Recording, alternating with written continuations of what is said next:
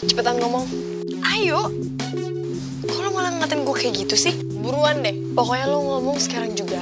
Yang singkat, padat, Dan Ah, kita berada dalam zaman di mana serba maju. Bukan lagi menyanyikan lagu singkong dan keju. Anak kecil buta budaya terkontaminasi. Kena emisi halus, doktrin invasi. Propaganda di mana-mana siap racuni. Sinetron tema cinta siap suguhi. Edukasi hilang bagai ditelan bumi. Bagaimana generasi bangsa bisa punya prestasi? Masa kecilku bahagia karena kartun Namun sekarang hilang digantikan acara yang tersantun. Acara musik nada fals melantun. Ditambah banyolan pembawa acara yang culun. Sinetron bertema cinta tapi berantem. Pemainnya pun cabe kayak jablay di sarkem Gak pantas ditonton lebih pantas tenggelam. Tema tak mendidik jelas akan menjadi problem. Gak lucu tahu.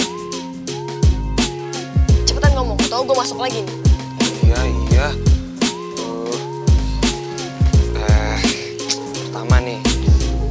Gue sama Angel tuh nggak pacaran dan nggak akan pernah pacaran sama Angel. Karena gue sama dia Kedua. itu,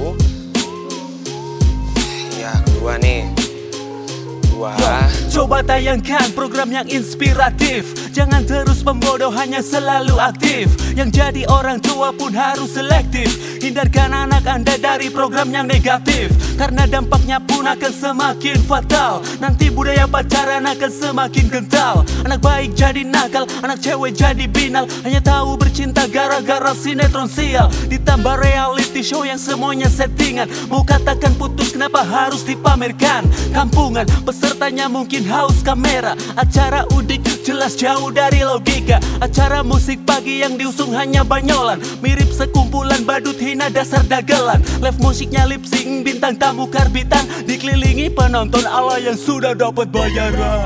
Program variety show dahsyat mendapat sanksi dari KPI berupa berhenti tayang.